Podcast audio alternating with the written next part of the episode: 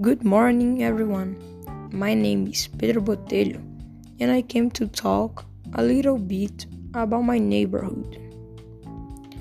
To begin with, I live in Asa Sul. Here, I have everything I want and need, like hospitals, markets, clothing stores, restaurants, and others.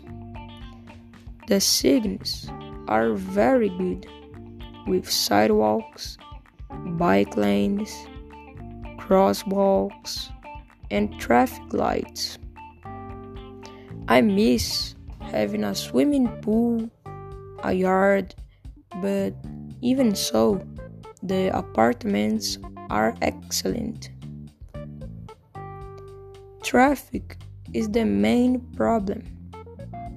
In rush hours, the traffic takes time and causes stress. My favorite places are the ice cream shop, the soccer field, the sports shop, and the game stores. I recommend my neighborhood for everyone as it's very safe and comfortable. Besides everything being close to our home. So, that was my feedback.